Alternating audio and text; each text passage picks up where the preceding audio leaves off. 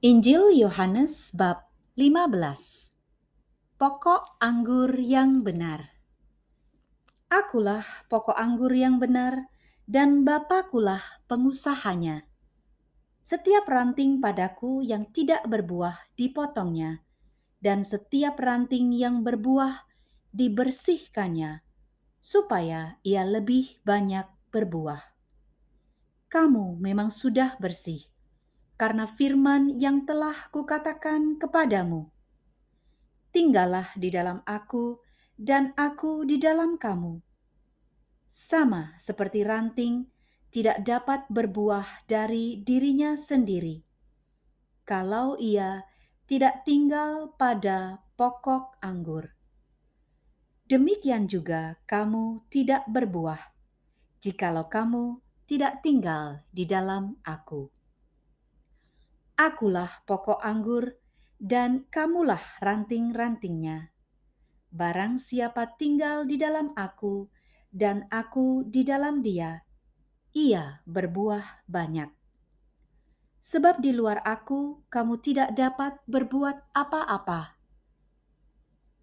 Barang siapa tidak tinggal di dalam aku, ia dibuang keluar seperti ranting dan menjadi kering kemudian dikumpulkan orang dan dicampakkan ke dalam api lalu dibakar. Jikalau kamu tinggal di dalam aku dan firmanku tinggal di dalam kamu, mintalah apa saja yang kamu kehendaki, dan kamu akan menerimanya.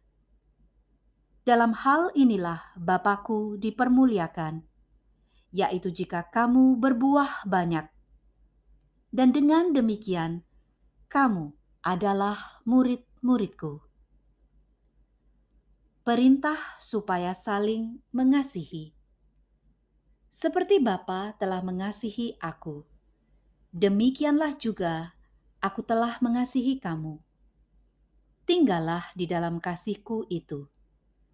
Jikalau kamu menuruti perintahku, kamu akan tinggal di dalam kasihku. Seperti aku menuruti perintah Bapakku dan tinggal di dalam kasihnya. Semuanya itu kukatakan kepadamu, supaya sukacitaku ada di dalam kamu, dan sukacitamu menjadi penuh. Inilah perintahku yaitu supaya kamu saling mengasihi, seperti aku telah mengasihi kamu. Tidak ada kasih yang lebih besar daripada kasih seorang yang memberikan nyawanya untuk sahabat-sahabatnya. Kamu adalah sahabatku, jikalau kamu berbuat apa yang kuperintahkan kepadamu. Aku tidak menyebut kamu lagi hamba, sebab hamba tidak tahu apa yang diperbuat oleh tuannya. Tetapi aku menyebut kamu sahabat, karena aku telah memberitahukan kepada kamu segala sesuatu yang telah kudengar dari Bapakku. Bukan kamu yang telah memilih aku, tetapi akulah yang memilih kamu. Dan aku telah menetapkan kamu, supaya kamu pergi dan menghasilkan buah, dan buahmu itu tetap. Supaya apa yang kamu minta kepada Bapa dalam namaku, diberikannya kepadamu. Inilah perintahku kepadamu. Kasihilah seorang akan yang lain. Dunia membenci Yesus dan murid-muridnya.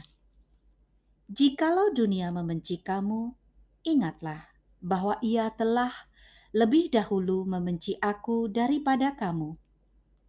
Sekiranya kamu dari dunia, tentulah dunia mengasihi kamu sebagai miliknya. Tetapi karena kamu bukan dari dunia, melainkan aku telah memilih kamu dari dunia, sebab itulah dunia membenci kamu.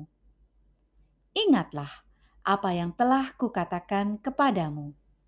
Seorang hamba tidaklah lebih tinggi daripada tuannya, jikalau mereka telah menganiaya aku, mereka juga akan menganiaya kamu.